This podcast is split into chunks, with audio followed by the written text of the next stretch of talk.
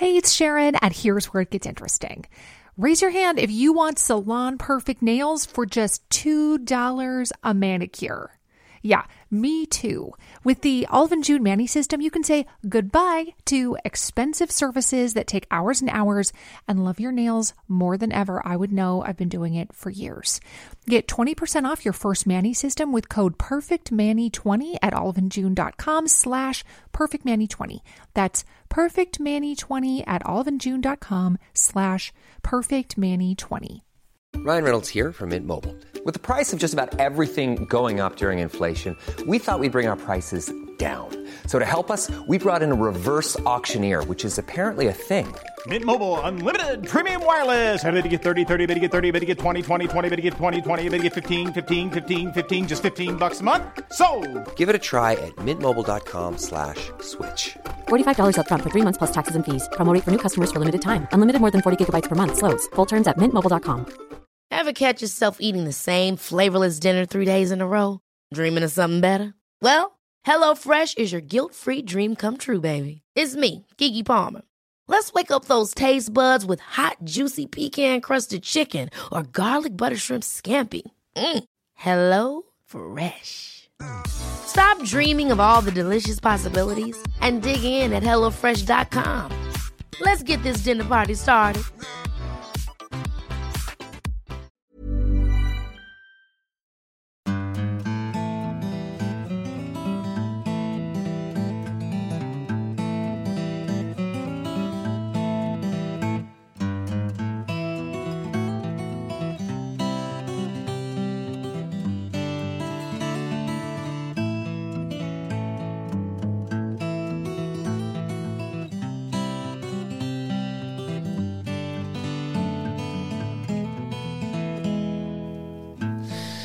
Hjertelig velkommen til en ny episode av Hall og knall-podden. Og i dag er det egentlig litt trist dag, Karl Petter, er det ikke det?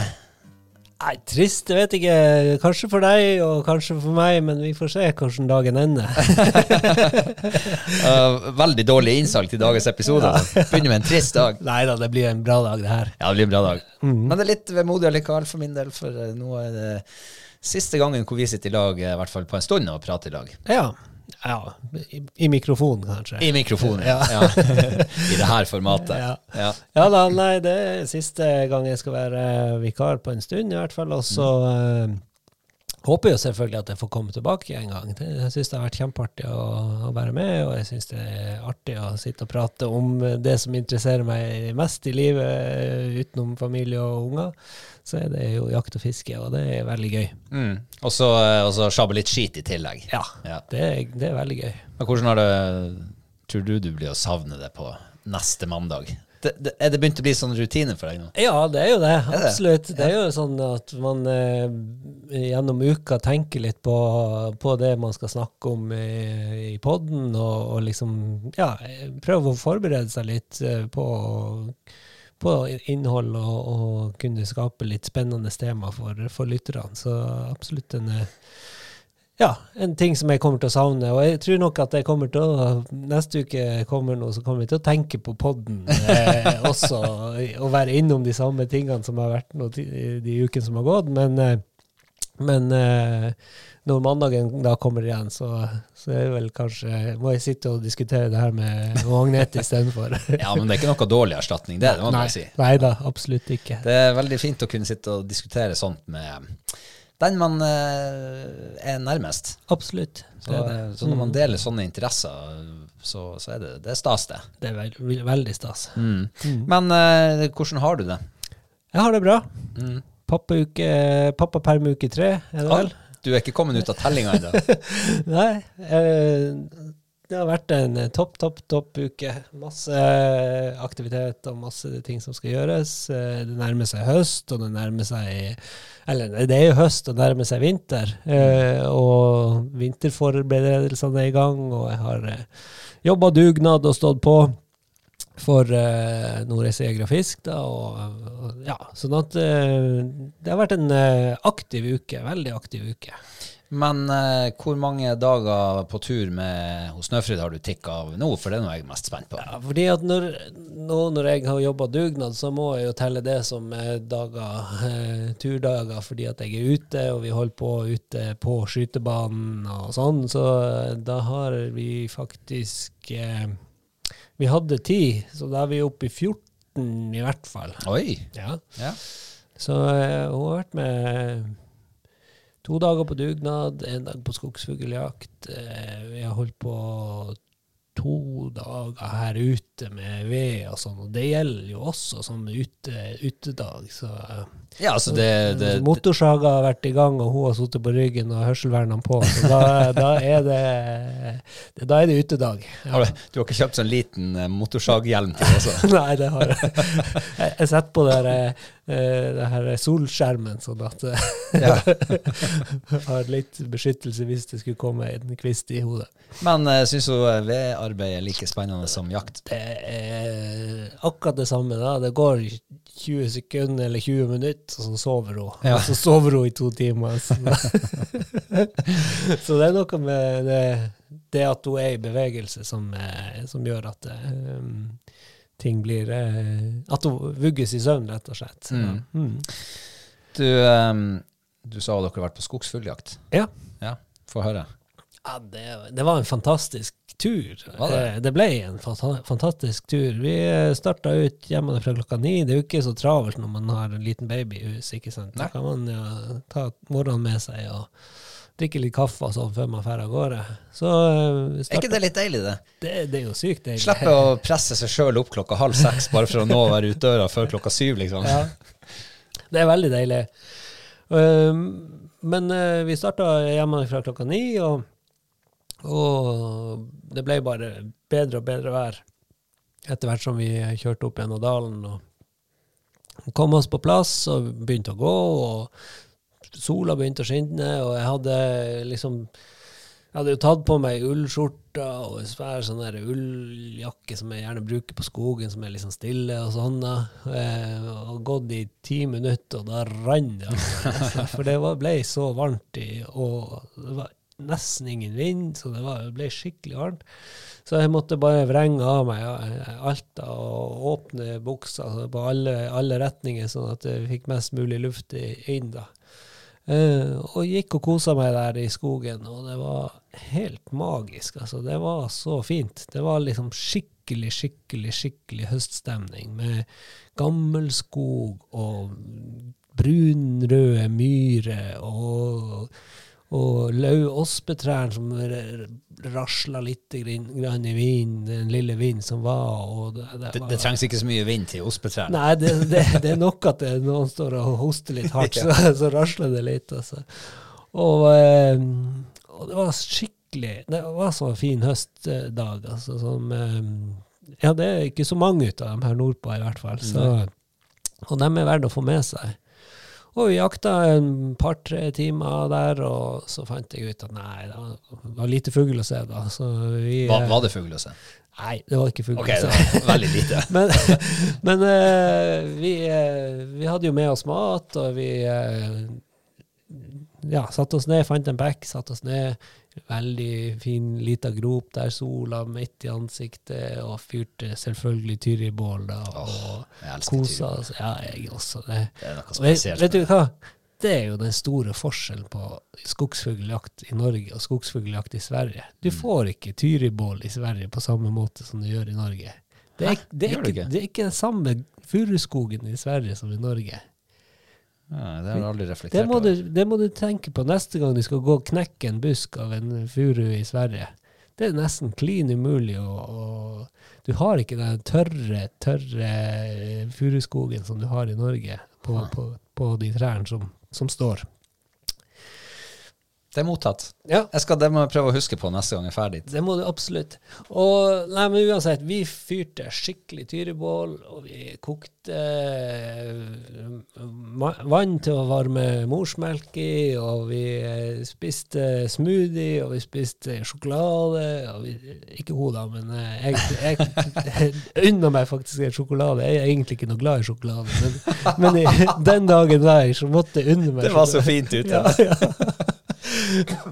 Så det var, nei, det var helt magisk. Og, og vi satt der i ja, nesten to timer. Uh, og bare kosa oss og flirte og lo og tulla og rasa og spiste blåbærlyng og Ja, det var, det var helt utrolig fint. Så um, det var kanskje den beste sånn turdagen eh, denne uka. Det, det liksom Ja, den skapte gode minner for oss begge to. Ja, det var et veldig fint bilde du malte her, det må jeg si. Ja, Jeg så liksom for meg det der duggfriske skogen og, Ja, og alt, alle de fargene som du beskriver. Ja. Og Tyribålet, ikke minst. ikke, ty, ikke minst tyribålet. Men, jeg- men jeg tenker, jeg lurer på når dere, når dere sitter sånn her, tar en to timers lunsj Mhm. eh, altså, Hvordan klarer du liksom å skru av det der eh, jaktmoduset og liksom over i lunsjmodus? Nei, det, fordi hun har jo behov for en pause fra meisen og sånn. Og så, og så tenker jeg at for hennes del så er jo mye av opplevelsen altså Den største delen av hennes opplevelse det er jo å være sammen med meg og, og, og liksom eh, nyte det å være med meg, da.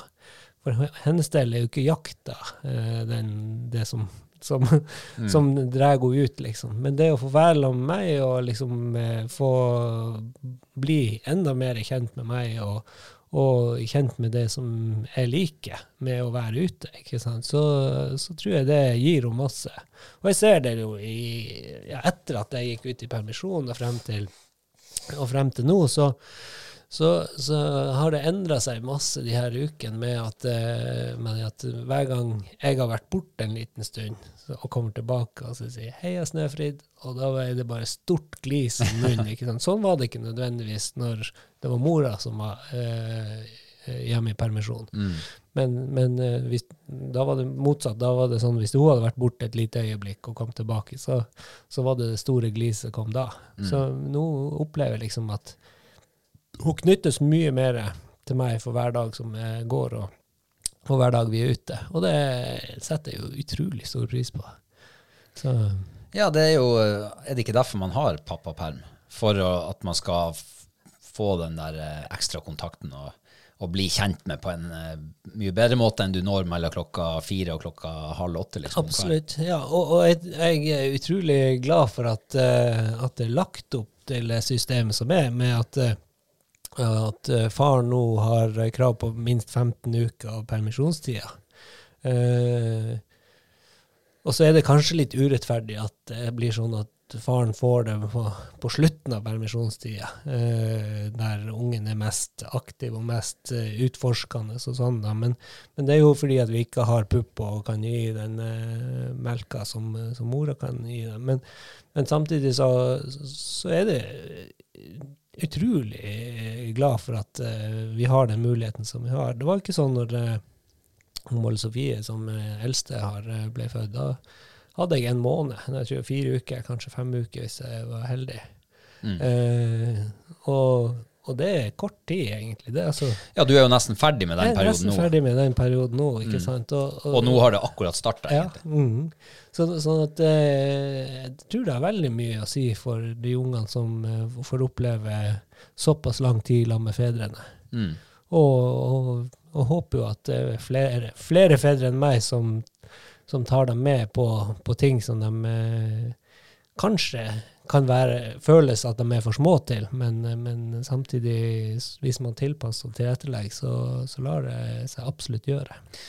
Eh, Går det ikke an å invitere til sånn der eh, sånn trilletur ut i skogen, liksom? Ja, Eller meis, meistur ut i skogen Ja. i stedet for kafétur med vogna? ja absolutt. Da blir jo ungene bare liggende i vogna der og sove mens fedrene sitter og drikker kaffe på kafeen. Ja. Nei, var, her i Reisa så er det jo sånn der tilbud om sånn eh, åpen barnehage og sånn der, men jeg kjenner at det, det passer jo ikke meg, da. Jeg, jeg er altfor glad i å være ute og ikke liksom ikke nødvendigvis forholde meg til andre på- en, på en annen måte. Eh, Jeg syns det er jo trivelig med sosiale sammenhenger også, men, men, eh, men det å, å forholde meg til, til andre babyer eller sånt, det, det er ikke der jeg eh, henter energien min. Det er med å, å kunne tilby henne det som jeg er god på, og det som jeg, jeg er flink på. Så for, eh, For eh, de sosiale, andre sosiale ferdighetene den kommer nå etter hvert som en vokser til. da. Men hvis man skal bo på fjellet, så trenger man jo ikke å ha så mye Nei, sosiale ferdigheter. Det, det er sant. Da må man kunne sanke sin egen mat, fiske sin egen fisk. Ja, absolutt. Nei, men det der var jo eh, det er sånne høydepunkt som virkelig er verdt å ta vare på. Altså. Ja, ja.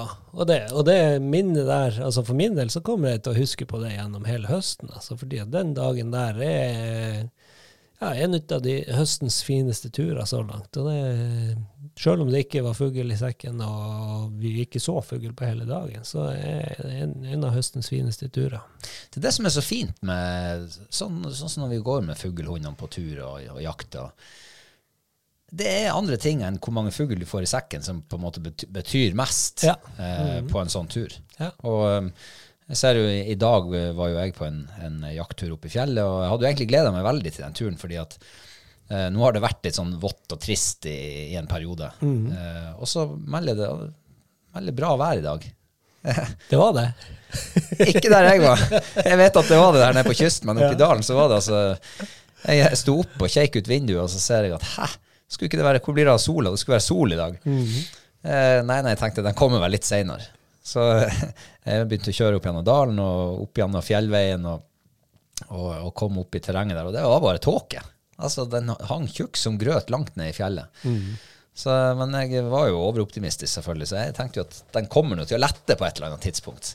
Så jeg begynner nå bare å gå. Men ikke sant, eh, kom inn, den kom og slapp, liksom. Kom, eh, det, det var god fart i den tåka. Så av og til så ble du balla ordentlig inn i den. Det var helt tjukk som grøt mange, mange ganger. Eh, og det var på det verste så var det sånn at jeg så ikke hundene når de var, altså, forsvant bort for meg etter 60 meter. liksom. Da, da, da så jeg ikke dem mer. Så, eh, det ble en litt kortere tur, da.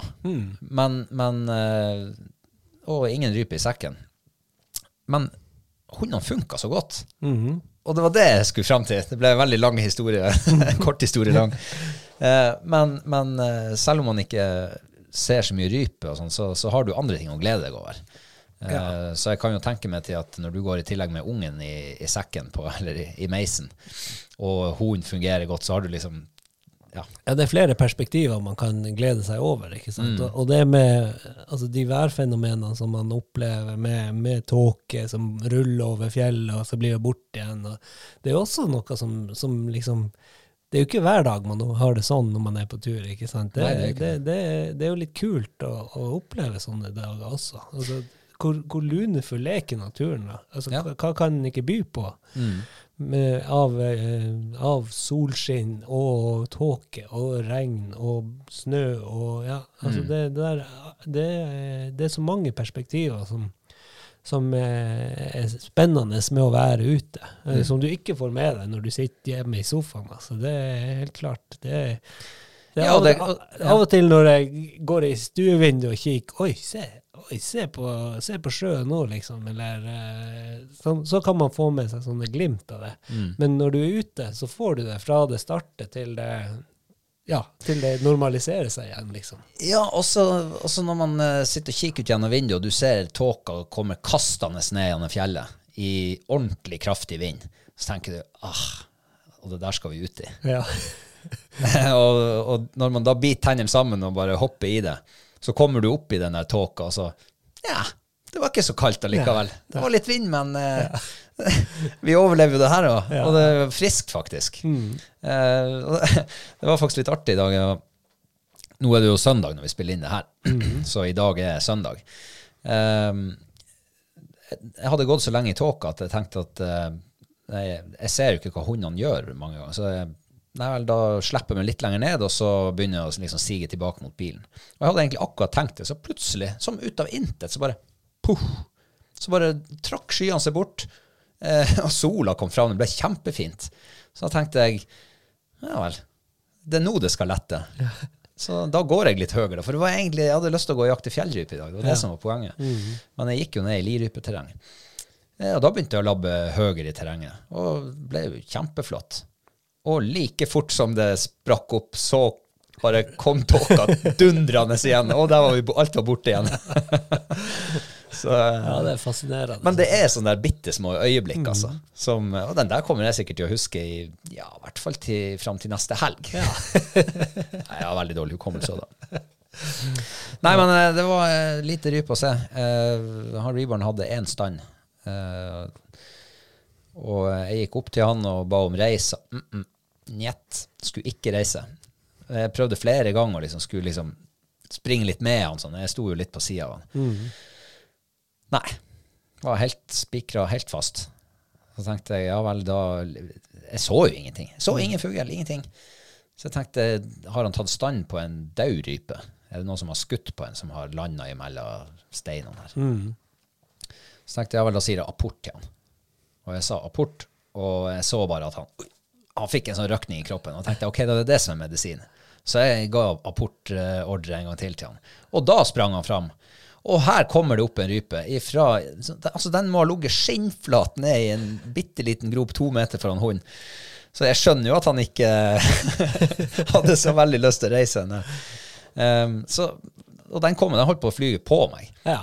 Så eh, jeg, jeg måtte hive meg rundt og brenne av et skudd, for han var jo ute i apport, han. Han skulle jo ta tak i. Eh, Så jeg nådde jo akkurat å fyre av et skudd før han liksom kom inn i skuddbildet. Men eh, kjempebom. Eller nesten treff, da, eventuelt. Antakelig nesten treff. Men, Ja, nesten treff. eh, men på kort hold så er det jo fort gjort at det blir nesten treff blir bom, altså. Ja, ja, ja. Det er klart, det. Ja, altså, det, var, eh, det var kanskje like greit at ikke traff den. Ja. Enkeltsteg, så Ja.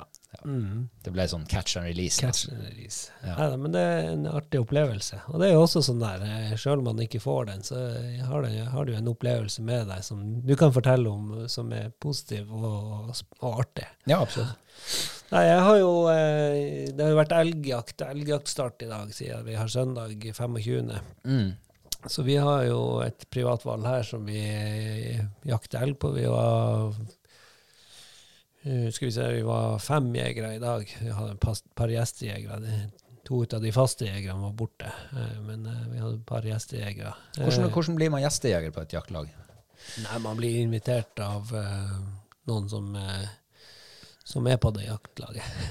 Det er ikke ikke vanskeligere enn det, altså. Nei. nei. Og, og, men her er det vel uh, sagt at det må være liksom familie Det må være noe bånd der. Ja. Mm. Siden det er liksom eh, grunneierne som, eh, som, som styrer det, alt det her, da. Så det var onkelen min, og så var det barnebarnet til han som er jaktleder. Da.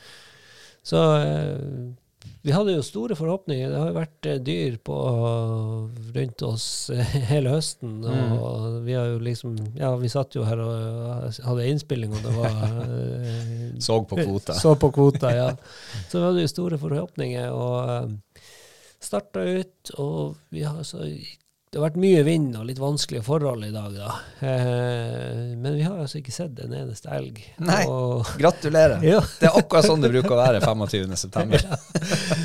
så det var veldig rart. Det var selvfølgelig mye eh, tråkk etter, etter elg og sånt, men, eh, men vi har ikke sett elg i dag. Så, men eh, i dag også fantastisk vær, sol og varmt, og T-skjortevær nesten. Ja, altså, jeg så det på Snap.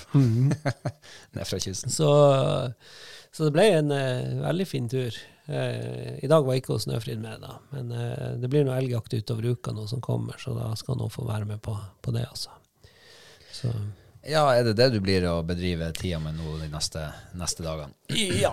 Eh, neste, Men, men går du alene, da? Eller er det flere som Ja, er i eh, pappaperm, liksom? Nei, det er, ingen, det er jo pensjonistgjengen jeg Ja, å jakter ja. med, Ja, men da har de jo tid, alle De sammen. har jo tid, alle sammen. Så det der eh, Vi har vel eh, Vi har en uh, ung gutt, eh, eller ja, ung mann, og så har vi en eh, familiefar, og så er det meg som familiefar, og så er det to pensjonister som, eh, som er på jaktlaget. da. Veldig god miks. Veldig god miks, og det er jo det litt artig med ja- elgjakta. da, At det er liksom en litt sånn spredning. Det er ikke, det er ikke kompisgjengen, liksom. Det, mm. det er litt god spredning. Så, så alle med sine meninger og sine utfordringer og sine så, så Av og til så kan det jo bli litt sånne artige episoder og artige hendelser rundt det. da. Så er det jo sånne godt tilpassa poster og sånt etter, eh, etter kondisjonsnivå. Så du, du, får tildelt, eh, ja, du får tildelt posten fra veien og så i, utover i terrenget. ja, etter, hvor, etter alder og hvor, etter hvor sprek du er, ja.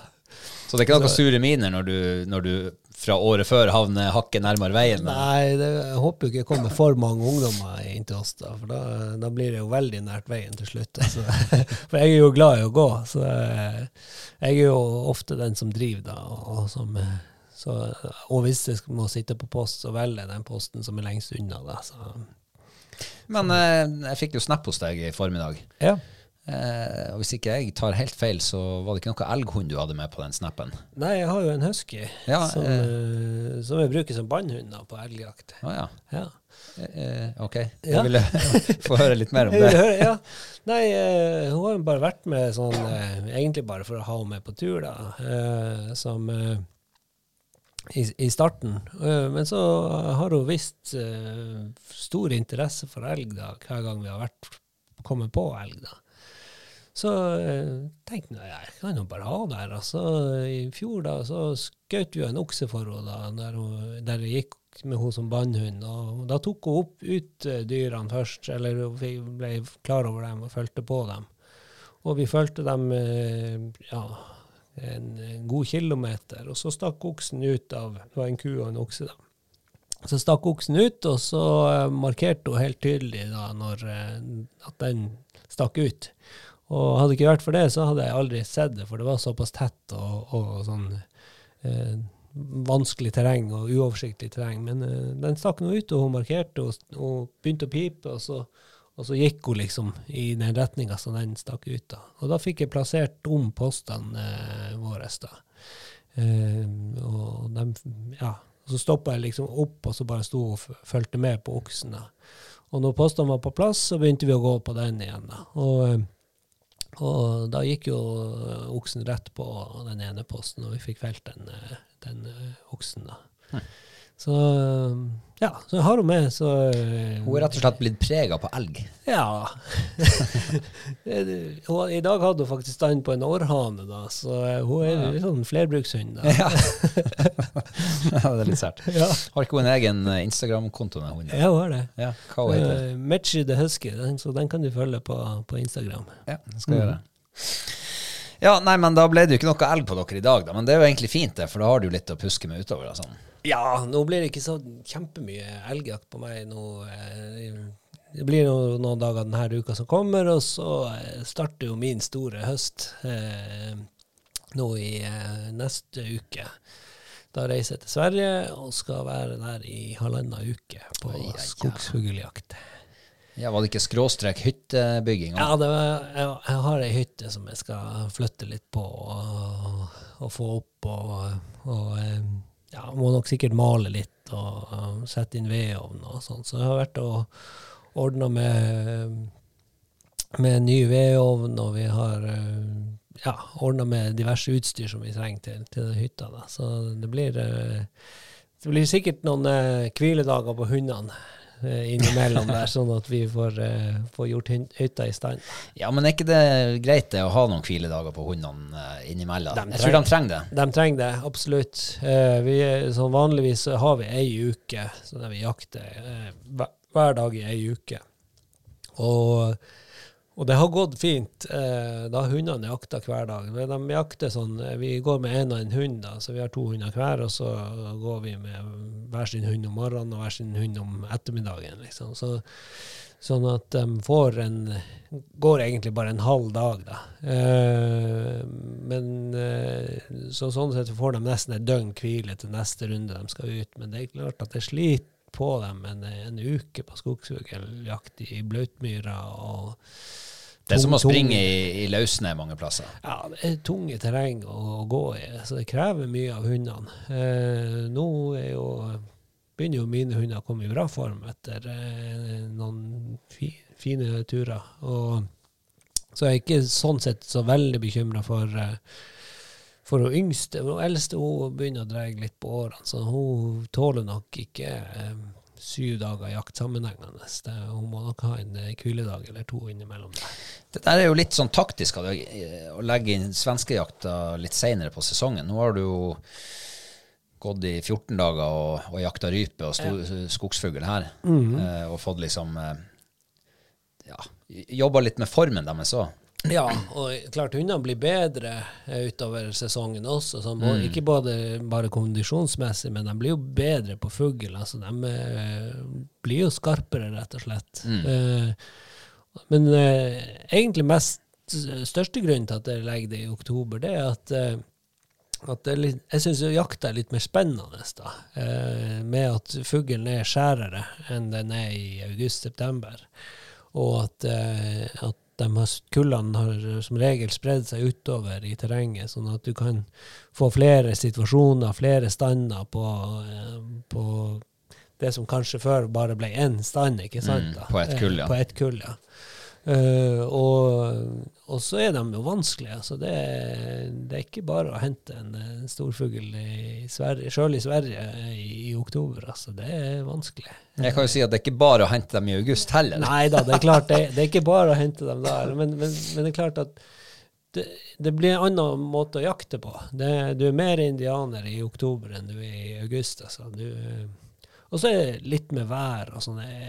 Syns jo ikke det er sånn kjempedeilig å gå i blautmyra i, i 20 varmegrader og masse knott og insekter og sånt. Det, det, det syns jeg er bedre i oktober med fem plussgrader og og eh, der du kan ha på deg eh, litt grann klær og, og liksom ikke måtte, fry, ikke måtte svette deg i hjel, og ikke fr- fryser du heller spesielt mye. Så Nei, nei det er, men det er noe sånn som jeg driver mye jakt, og det, det jeg liksom har gjort i ja, tradi, tradisjonen har vært sånn i snart 20 år, så Men eh, du, hvordan tenker du om det her nå, da? Gleder du deg? Å, herregud. Det, det er årets høydepunkt. Når reiser du? Eh, onsdag i neste uke. Ah, det var noen få dager til. Ja. Så, Så da har du reisefeber og alt når det kribler i magen? og- ja, det, jeg tenker på det hver dag. Eh, men også fordi at jeg skal få på plass ei hytte og sånn. Da. Så, så er det jo en del forberedelser som skal gjøres der. Og eh, ja, ting som må ordnes og pakkes og gjøres klart og, og settes frem, og sånn at man husker. Det er jo eh, såpass lang reisevei at det er ikke liksom bare å kjøre hjem igjen og hente hammeren hvis du har glemt den. altså. Nei, du har liksom én sjanse å pakke. Ja, det er det du har. ikke Men henter du fram pakkelista fra i fjor, eller må du finne opp kruttet på nytt Ja, hvert der, år? har, der har jo jeg gjort eh, noe som jeg bruker egentlig både på jakt- og fisketurer. Det er at jeg lager en sånn pakk, en en pakkliste for tur. Eh, så har jeg skilt på jakttur og fisketur, da. Og så, og så eh, Men så har jeg ikke skilt på om det er isfiske eller rypejakt eller laksefiske eller sånn, men jeg har, har laga meg en pakkliste der der jeg har med alt, absolutt alt, og så sorterer jeg ut for hver tur da, det som ikke er nødvendig da, til de enkeltturene. Er det en digital liste? Det er en digital liste. Er det, det er en app? Nei, Å nei. det er en notatblokk. Å oh, ja. Ja, ja, ja. Skjønner. skjønner. Så, så den funker sinnssykt bra. Eh, og der eh, har jeg også eh, tatt med, hvis det er familietur, ikke sant, så har jeg eskalert opp det som er, nødvendig for en familietur, og så, eh, og så, sånn at jeg bare kan plukke ut etter hvert som, eh, som er, det er ting som ikke trenger på singeltur eller kompistur. Men eh, er det sånn at du reviderer den lista etter hver tur? Så når du kommer hjem fra Sverige, eller underveis i Sverige, når du ser at eh, fersken, den skulle ha vært med, så fører du den på lista? Ja, ja det er jo veldig, det er jo siden det er på en notatblokk, ikke sant, så er det veldig kjapt å føre på det som, som mangler. Eh, og, så, og så bruker jeg eh, som regel på altså, jeg, bruker jo mye tid på å tenke tur. så, så det kan vi jo fort finne på Og så- og så sette meg ned eh, i februar og se på laksefiskeoversikten, hva, hva jeg trenger der. Og så kan jeg liksom tenke ja, det, i fjor så mangla jeg det. Ja, må jeg, det må jeg føre på lista, liksom. Og, og så Du er faktisk så strukturert av deg. Nei, egentlig ikke, men det er veldig kjekt når du, når du har det der. Altså, og, så, og så er det litt, litt med det der mentale forberedelsen på det man skal, skal av gårde på. Du, du jobber deg inn i modus. Jobber deg inn i modus, ja. Så, og det ja, det, det, er det å kunne nyte den type tur egentlig til alle årstidene, altså være på laksefiske i februar, det er fantastisk. så, nei, da, det er et lite tips til eh, folk som er mye på tur. Og eh, folk har jo sine, sine systemer, tror jeg. Eh, før så holdt jeg på med sånne der, eh, A4-ark som jeg hadde, hadde skrevet ned en lang, lang liste på. Eh, og så etter hvert så ble det liksom sølt kaffe dit, og litt sånn her, og så ble det uleselig. Men Ja, men det der er jo eh, altså, sånn der si, Ikke kroppshukommelse, men sånn type hukommelse er jo ganske sånn ferskvare. ja. Uh, og um, altså, det merker jeg jo selv om vi, vi Vi har en sånn app med sånn felles liste. Så vi har en som er til Sverige, Sverigejakta, en som er til isfisketur med telt, en som er til ditt, og en som er til datt. Uh, og dem, er sånn, dem kan vi revidere mens vi er på tur. Så når vi sitter i Sverige og, eh, og kommer på at eh, vi skulle hatt en ekstra stol med, for det hadde vært høvelig til den ene hunden, liksom. Så er det bare OK, vi må skrive en stol til på lista. Så gjør vi det bare med en gang. Eh, og da er den oppdatert. Så, men på tross av de listene her, så når vi liksom, særlig når vi skifter fra vinter til sommersesong, så da bruker vi mye mer hjernekraft på å liksom jeg vet ikke, komme inn i den nye sesongmodusen. Du skal liksom eh, du skal liksom eh, ikke ta med dunjakka plutselig, den tjukke. og så skal du ha med deg en eh, ja, liksom. Altså, det, det, det skjer noe i hodet mitt, i hvert fall. Ja, det gjør kanskje det. Jeg har ikke tenkt sånn, sånn over det. Eh, men, eh, men det gjør kanskje det. Altså, og så er det sånn litt mer tungvint på vintertur med at man skal ha med pulk, og man skal ha med isbor, og man skal ha med dobbelt un liggeunderlag. Ikke sant? Det, plutselig er det eh, bagasjen er bra mye større enn på en sommertur, ikke sant. Og, ja.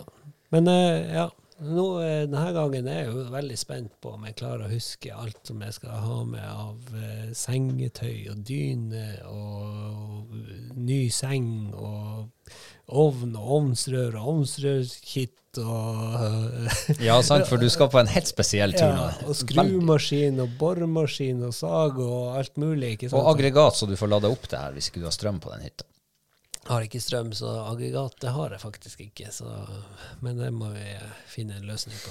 Jeg har tilfeldigvis at du kan få låne. Ah, så bra. Mm, fint å kjenne folk. Ja, det er utrolig kjekt. Altså. Men eh, hva er forventningen nå? Hva er forhåpningen til turen? Og jeg er veldig spent på den flyttinga, hvordan den uh, hytteflyttinga går. At det går smooth, og at vi liksom får den på plass uh, kjapt og kan gjøre det som uh, skal gjøres eh, ganske kjapt, sånn at vi slipper å liksom ha fokus på på å herregud, hvordan skal vi løse det, hvordan skal vi løse det. Um, så jeg har liksom prøvd å forberede meg best mulig med å liksom lese meg litt opp på det som er nødvendig å lese seg opp på. Da. Eh, ellers så, eh, så er jeg jo selvfølgelig spent på hvordan det er med fugl. Eh, hvordan eh, ja, hvordan fuglen oppfører seg, og hvordan vær vi får. Vi har opplevd en halvmeter nysnø i oktober, og vi har opplevd eh, eh, 15 varmegrader og, og sol og fint. Så det, og det som, men det som er ganske sikkert, det er at uh, været kommer til å variere. For det gjør det i oktober i Sverige. Det er sjelden at en uke, i hvert fall halvannen uke med samme værforholdene. Så, um, men jeg er veldig spent på hvordan det er med fugl, altså, og hvordan, eh, ja, hvordan sesongen blir. da. Eh, og da drar jo uten hos Snøfrid, og bare med han Gunnar, han kompisen min, så det blir en eh, Ja, det blir strålende. Det blir eh, sinnssykt god mat. Vi er djevelsk gode på, på mat. Matveien. Er, så, og der har vi faktisk en sånn ukesmeny da, som, Oi, oi, som, oi, oi, som, vi, som vi henter frem hvert år. Så vi har faste, faste, faste måltid som vi kjører liksom første, andre, tredje, fjerde, femte, sjette jakta. Ja, men du, det der er liksom tradisjon tro. Ja. Det, det er viktig å holde på sånne tradisjoner. Ja, nå sa jo jeg eh, liksom her i første sendinga at uh, det med rutine gjør at tida går fort. Så, eh, så vi må vurdere litt at vi skal gjøre litt andre, uh, andre ting, da. Og jeg kjenner jo litt på det nå faktisk sjøl, at, at tida kan ikke gå fort nok til at jeg drar til Sverige. fordi at nå er det, som, det er helt annerledes i år enn det det har vært de siste 15 årene. Altså. Det er noe helt annet vi skal i, i gang med. Så, så jeg gleder meg skikkelig, og jeg går og venter og venter og venter. Og venter, og venter, og så, og så er jeg redd for å glemme hagla. Jeg er, drit, jeg er dritredd for at jeg skal glemme hagla. Ja, men du må, den må du jo ikke trykke ut fra den lista før du har den i bilen. Den er aldri ute av lista, den er alltid men, men det er sånn der, sånn, det er sånn worst uh, ja, worst case scenario, rett og slett. Det å, skulle glemme hagla. Så kommer jeg til Kjørt i 15 timer, så kommer det frem Hvor faen er hagla, liksom? Så eh, ja, et eller annet sånn der. Ja, altså Det der er jo sånne ting som er Det er altså det aller verste som kan skje. Det er liksom, du kan glemme veldig mye annet og berges, Ja. men hvis hagla ligger igjen i våpenskapet, Ja, da er du eh, fetten drag, altså. ja det Hadde du kjørt hjem igjen og henta den? Ja, selvfølgelig. Ja. Uten tvil. Det, må jo det. Det er jeg har ikke bare gidda å bygge hytte, hvis kompiser er ute og jakter, liksom. Det, ja, det hever meg rett rundt og kjørt. Nei, men eh, der får vi håpe at det blir en bra tur, og at, uh, at dere både får hytta på plass, og, uh, og at dere får uh, fine dager i skogen, altså. Ja, det tror jeg. Det, og det som, blir, som også blir spennende, det er jo liksom hvordan, hvordan blir jakta vår da? Nå, altså det blir annerledes det at vi skal bo i hytte fremover. Og, og sånt. Vi har bodd i telt i 20 år og, og ja, har syntes det har vært skikkelig digg. Eh, men, eh, men nå gjør vi, gjør vi noe helt annet. og det kan godt hende at hytta blir stående tom, og at vi tar tilbake teltet. Nei, men det er jo eh, For, for oss er jo liksom svenskejakta altså en helt egen jaktform, fordi at du, du bor på en annen måte enn du vanligvis gjør. Du, du har mye mer komfort med deg. ikke sant? Store telt, mange telt, dass eh, og what not, liksom. Strøm i aggregat og i det hele tatt. Eh, og nå oppgraderer dere ytterligere fra telt til hytte. Ja. Så det blir jo eh, ja, det blir veldig artig å høre hvordan det Hvordan er den erfaringa når dere kommer tilbake? da? Var det ok med hytte, eller det, var det overflødig?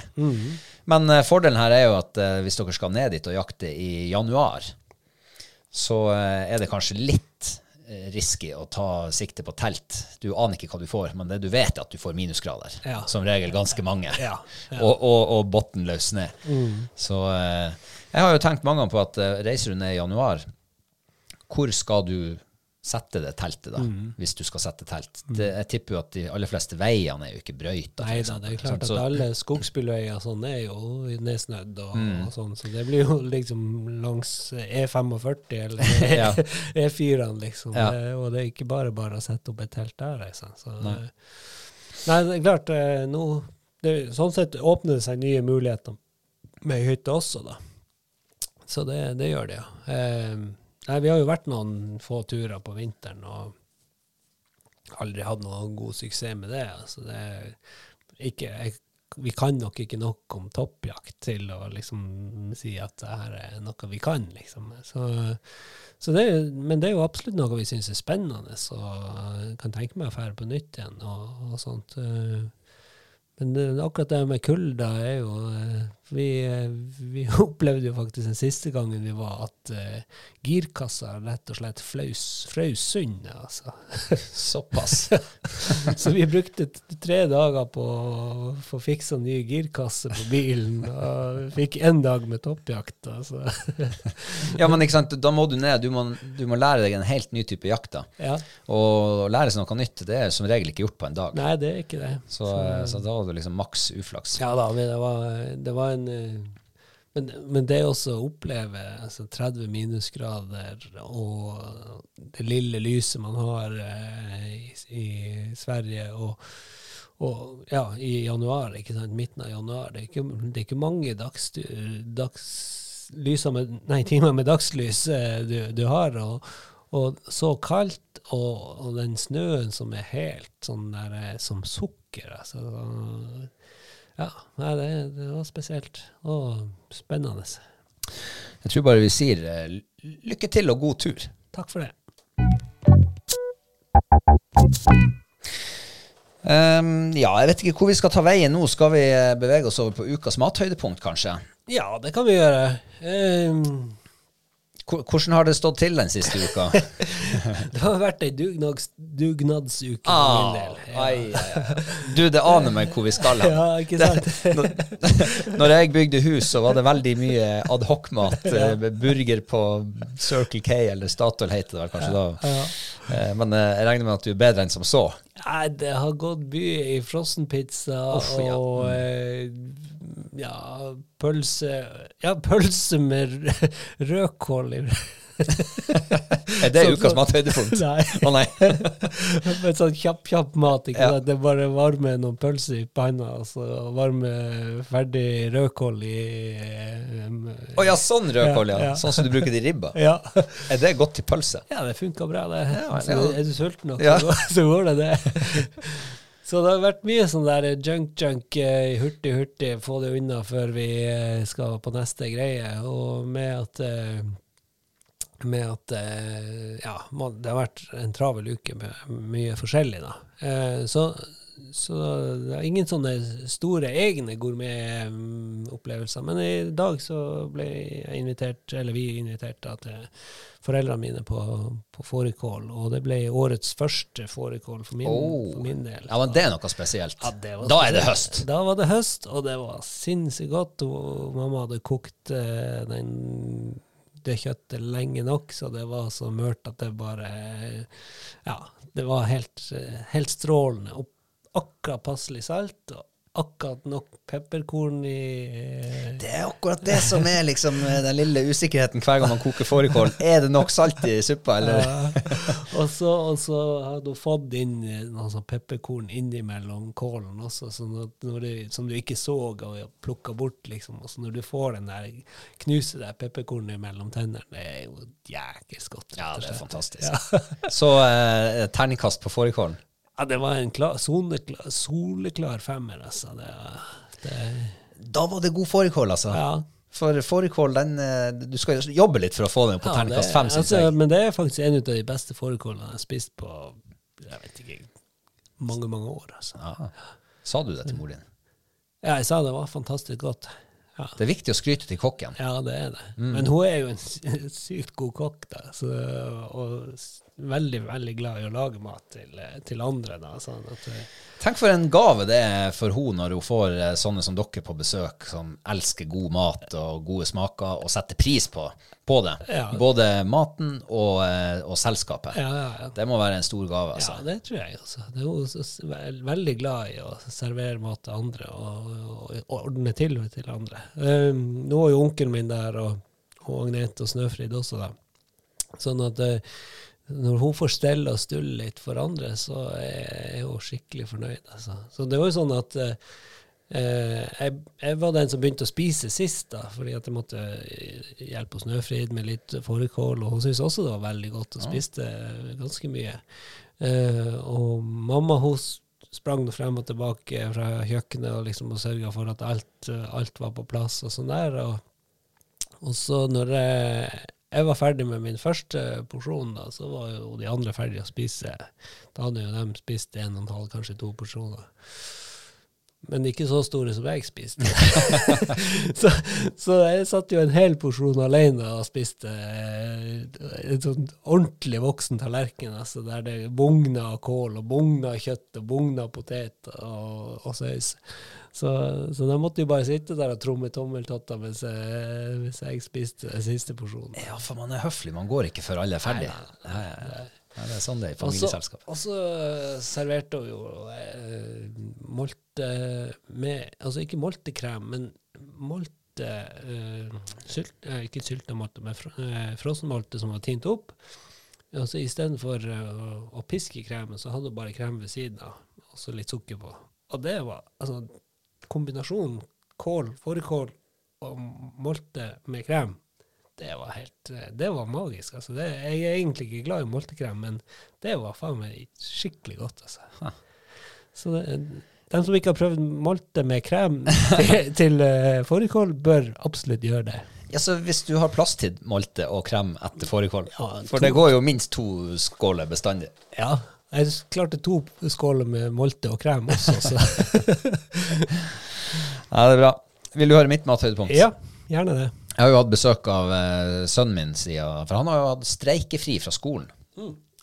Så eh, han kom på torsdag, og så reiste han på lørdag. Eh, og når han er hjemme hos oss, så lages det litt eh, ekstra mat. Eh, og nå har jo jeg vært alene hjemme noen uker, så det har jo liksom gått sånn sakte, men sikkert nedover med matordninga. Ja. Og jeg kan jo si hva som ikke var ukas mathøydepunkt først. Det var faktisk Grendispizzaen som jeg svei i ovnen midt i uka. Ja. Eh, da måtte jeg sende snap til Kristine og si at eh, nå, har jeg, eh, nå er jeg på felgen. Ja. Så Nå må du komme hjem. nå må du komme hjem. Nei, heldigvis så kom han Tobias, da, og um, eh, på, på eh, torsdagen når han kom, så var det altså flyndre. Ja. Eh, og flyndre er, jeg har sagt det mange ganger før, det er min favorittfisk for tida. Ja. Det er en fantastisk fisk. Det, du klarer ikke å ødelegge flyndra. Du kan steike han i hjel, men han er fortsatt saftig og god. Ja. Um, men han Hellstrøm, han er jo mitt uh, matidol, for å si det sånn. Uh, og han har en oppskrift i en av kokebøkene sine. Med, altså det er flyndre med tomatsaus Ah. og tørka kapers. Og stekte potetskiver. Uh, potetskiven, dem er gode, dem. Det er ikke det. Men eh, altså, høydalen i denne retten, det er tomatsausen. Og de kapersene. I blanda ut med den fisken. Yes. Og det var ikke noe sånn rødspett eller sånne eksklusive varer. Det var rett og slett skrubb. Ja. Sånn som man vanligvis hiver ut Ja. når man får dem. For de er jo små. Ikke så mye mat i dem. Men uh, vi hadde oss uh, en skrubb og den der tomatsausen. Nei, den er fabelaktig. Altså, du, du, du moser tomater med eh, sånn her stavmikser, mm. og så skviser du det gjennom en sil, eh, sånn at du får bare sånn juice ut. Og så koker du det inn. Eh, og det, det gjør jo at smaken blir enda mer, eh, kommer enda mer fram. Og så har du litt grann eh, sånn her eh, rødvinseddik oppi, eller sherryeddik, eller en, en eddik i alle fall, og, eh, og så smaker du til med salt. Ja, vet du hva, det er så godt. Og det er så rene smaker. Og, den der, eh, og så har du de tørka kapersene. Altså det er bare å ta kapers ut av vanlig kapersglass, skjølle dem i vann, hive dem i ovnen, eh, la dem ligge der til de er tørre. De endrer helt karakter smaksmessig. Eh, og det her er altså, det er så enkelt å lage at alle klarer det. Og så godt. Eh, jeg tror vi ga terningkast fem på den, begge to. Ah, Og eh, hva som mangler? eh, det skulle vært enda litt mer syre i sausen. Ja. For flyndre tåler mye syre. Ja. Og når du smaker til en, eh, en saus som du tenker til flyndre, så eh, i de fleste sånn flyndresauser så er det syre, og du smaker på den, så tenker du shit, nå har jeg hatt for mye oppi. Mhm. For mye eddik eller for mye sitron. Og så får du det i lag med resten som er på fatet, mm. og så er det bare mwah, magisk. Ja. Så jeg kjenner at jeg fikk litt vann i munnen. ja, det gjorde jeg òg, faktisk. Eh, så, så det er mitt mathøydepunkt. ja. Eh, det enkle er veldig ofte det beste. ja. Eh, Så jeg, jeg har jo funnet ut at man trenger liksom ikke å lasse så mye på fatet. Eh, Men jeg kan si det så enkelt som at én liten skrubb, det var litt snaut til to mennesker. Okay. Ja, Man skulle hatt én skrubb hver. En skrubb hver, ja. Så du kan få deg en pakke flyndre, så kan du prøve det en dag. Det må jeg absolutt prøve. Mm. Vi sier bare takk for maten. Takk for maten. Du, eh, jeg har jo lovd at jeg skal Jeg, jeg, jeg må gjøre noen sånne oppsummeringer på de her Patreon-gjettingene våre. Ja. Men eh, dem vi har gjetta på, eh, det er ikke alle som har svart oss ennå. Så vi, vi har liksom ikke så veldig mye å komme med Nei, men da tror fra, jeg fra din tid i, i, Ja, i jeg tror egentlig at jeg har rett, da. Fordi at da er han her eh, Mareno Fjellet, han er offshore eh, og jobber på supply-båten sin. At, eh, så vi kan egentlig bare gi det poenget til meg. Sånn. Så- sånn, at, eh, sånn at vi har den ute av verden, tenker jeg. Altså, det, Eh, ellers- Kan, kan ikke vi drøye den litt til og kanskje se om når han kommer på land, om han, eh, om han vil oppdatere oss? da? Men eh, vi har fått oppdateringer fra, fra et par andre stykker. Mm. Blant annet hun Kajsa Sundelin, som vi gjetta på rett før hun Kristine for av gårde her i, tidligere. ja. Um, og jeg gjetta at hun var fra Rotsund, altså nabobygda. Mm -hmm. og Kristine gjetta at hun var fra Storslett. Ok. -hmm. og um, hun Kajsa sier at hun er fra Storslett. Ja. Så det betyr at eh, det er ett poeng til Kristine. ja. Og så var det hun Linda Isaksen ble også gjetta på her på sesongpremieren, tror jeg det var. Der gjetta jeg at hun var fra Kvænangen. Og Kristine gjetta at hun var fra Tromsø. Eh, hun er fra Finnmark, hun er fra Hammerfest, men hun mente at vi skulle få et halvt poeng hver for det der, og det syns jeg er litt Ja, eh, det er drøyt. Den, den er litt tynn. Det- eh, Så altså, ja, nei, der tror jeg ikke det blir utdelt noe poeng. Nei.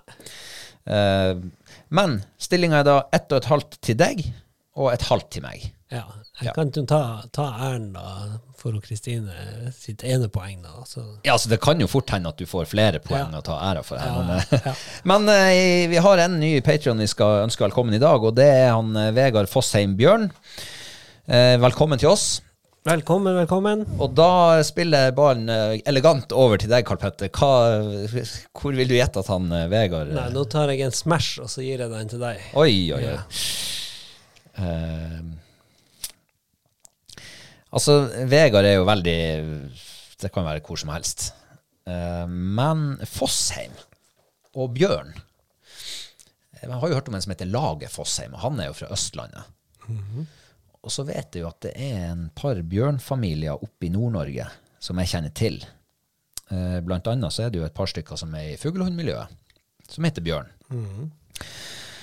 Eh, så eh, jeg har liksom eh, lyst til å gjette Nord-Norge en eller annen plass, men jeg aner jo ikke hvor han Vegard kan eh, holde hus. Eh, men hvis jeg tar en råsjans eh, Jeg vet av en bjørn som bor nede i Mo i Rana. Så jeg, jeg tipper, jeg, jeg skyter fra hofta med avsagd hagle og sier Mo i Rana. Mo i Rana. Ja, og så satser jeg på at han er i familie med en av dem som er i fuglehundmiljøet. Ok. så ja, jeg havner i Mo i Rana. Ja. Nei, men det er ganske bra gjetta. Åhå! Ja. Eh, kjenner du det, han? det er onkelen. Er det det? ja. Eh, Du kjenner han? jeg kjenner han, eller jeg kjenner han ikke. Jeg vet, vet godt hvem han er, da. og, og det er som du sier, at eh, han tilhører den uh, fuglehundfamilien, eh, han også. Eh, så han er sønnen til, eh, til eh, han som bor lengst nord av de bjørnbrødrene. Ok. Så, så han, eh, Vegard han bor på Kvaløya i Tromsø. Nei. Ja. Og så, hvis jeg ikke husker helt feil, så er han Vegard altså 15 år eh, nå. Oi! Det er artig. Og så vet jeg at han var oppe i Finnmark og fiska laks her i sommer eh, sammen med faren. Og så vet jeg at han har vært på eh, rypejakt eh, nå i høst, men han, jeg tror også han har vært tidligere på rypejakt. Er- Han er en sånn som vi liker. han er en sånn som vi liker. Det er Han- god er- arvtaker her. Ja, ja, ja. Og så, så, eh, så jeg vet jo både hva eh, faren og mora heter, og hvor han bor hen, og jeg har vært i huset deres, og Vi skal hils på, hils på hundene. Så, så, så det poenget kan du bare tildele med en gang. ja, Altså. Da er det jo altså, i så fall, hvis det her stemmer eh, Du virker veldig overbevisende, men eh, folk som eh, vet at de tar feil, de kan virke veldig overbevisende. Så, men, eh, men hvis det stemmer, så har du jo gjort en fantastisk jobb. Da har du faktisk et poeng som du kan, eh, som du kan innkassere her. Ja. Og i så fall så er det jo ren utklassing foreløpig. Ja, det, det vil jeg absolutt si. Ja. To og en halv. To og en halv mot en halv. Det, det, Ja, det er en matchball neste, egentlig, tenker jeg. Ja, og så får du vel av Moreno når han kommer på land. så. Ja, ja. Ehm, ja, nei, men uh, Vegard uh, Du kan jo godt uh, sende oss en melding og bare avkrefte at han Carl Petter tar, at han har rett her. Da, da skal jeg sende han onkel Andreas til deg, og så vil han eh, ta deg i nakkeskinnet.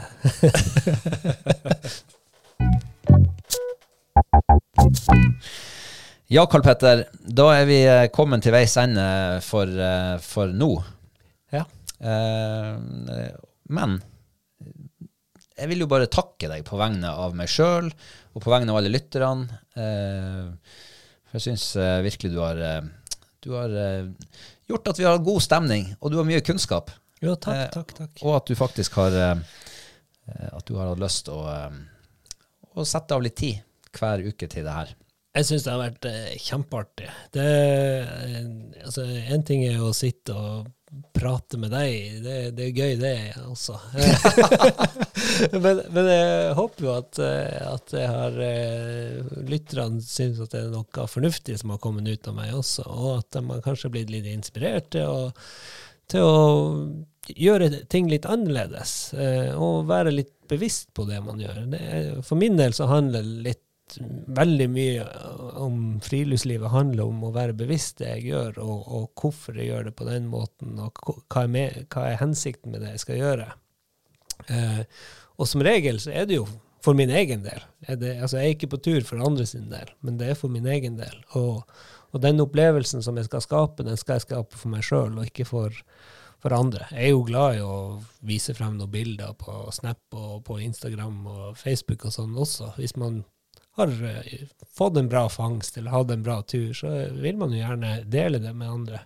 Men turen i seg sjøl er for min del, og ikke for, for uh, den sosiale media sin, eh, sin del. Altså. Eh, så det håper jeg at, og det tror jeg jo at de- aller, aller fleste tenker sånn om, om sin egen tur. Uh, men, men vær bevisst hvorfor og hva, hva du gjør på tur. Eh, og vær bevisst på ikke minst det å ta med deg de øyeblikkene som oppstår, de magiske øyeblikkene som alltid kommer der på de små turene og de store turene og de lange turene og de korte turene. For en eller annen gang i løpet av turen så er det et bitte, bitte lite magisk øyeblikk som, er, som man må bare suge til seg. Eh, så det håper jeg at kanskje noen har tenkt at oi, der har jeg et poeng som jeg gjerne tar med meg. Ehm, Ja, du er jo eh, Men det er jo det som er så fint med å sitte og høre på deg når du prater, fordi at eh, du har den der lidenskapen i, i denne i ryggmargen og i sjela di, og så har du de her perspektivene på det vi holder på med, som jeg tenker er ufattelig fint å eh, bli påminnet innimellom. Ja. Fordi at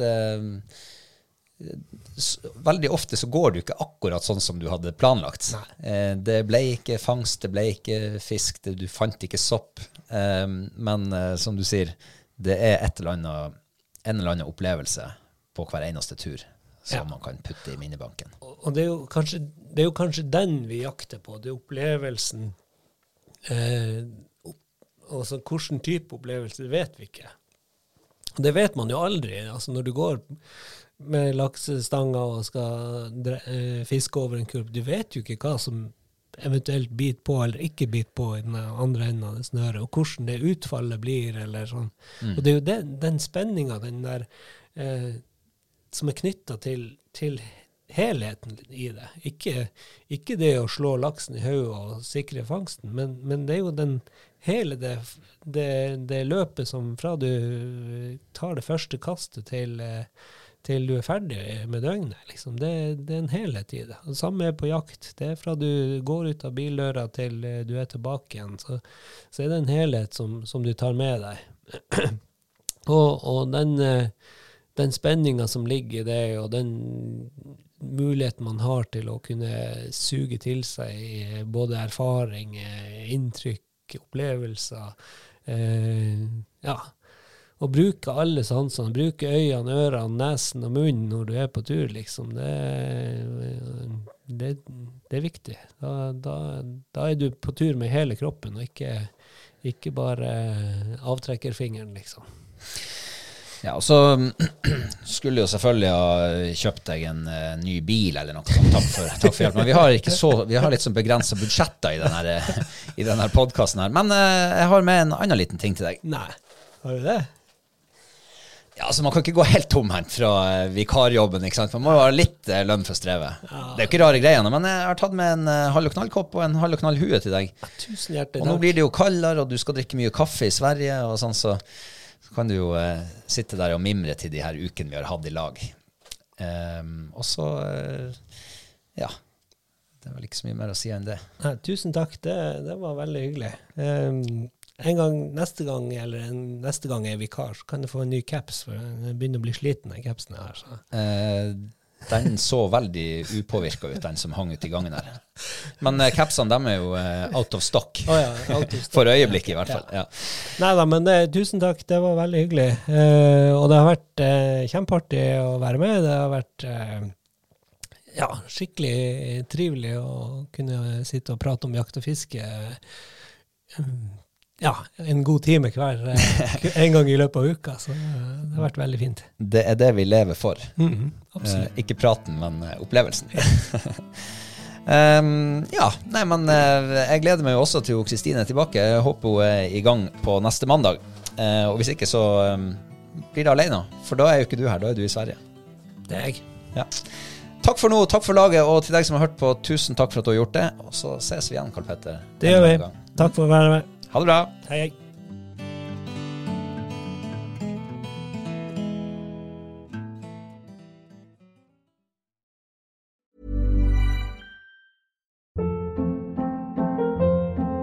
Hold up. What was that? Boring. No flavor. That was as bad as those leftovers you ate all week. Kiki Palmer here, and it's time to say hello to something fresh and guilt-free. Hello Fresh. Jazz up dinner with pecan-crusted chicken or garlic butter shrimp scampi. Now that's music to my mouth. Hello Fresh. Let's get this dinner party started. Discover all the delicious possibilities at hellofresh.com. Hi, this is Kristen. And this is Jen from My Mom So Hard, and we're here to talk about By Heart. Do you remember when you were nursing and you were like, I want to give the best thing I can to my baby? Well, we've got that for you. It's called By Heart, and it is a infant nutrition company built from the ground up to deliver real innovation on behalf of babies and parents. Curious about By Heart? Redeem your welcome offer at byheart.com slash podcast with code MOMS20 for a limited time. Additional terms and conditions apply. Tell them My Mom So Hard sent you. Imagine the softest sheets you've ever felt. Now imagine them getting even softer over time. That's what you'll feel with Bowl and Branch's organic cotton sheets. In a recent customer survey, 96% replied that Bowl and Branch sheets get softer with every wash. Start getting your best night's sleep in these sheets that get softer and softer for years to come. Try their sheets with a 30-night guarantee. Plus, get 15% off your first order at bowlandbranch.com. Code BUTTERY. Exclusions apply. See site for details.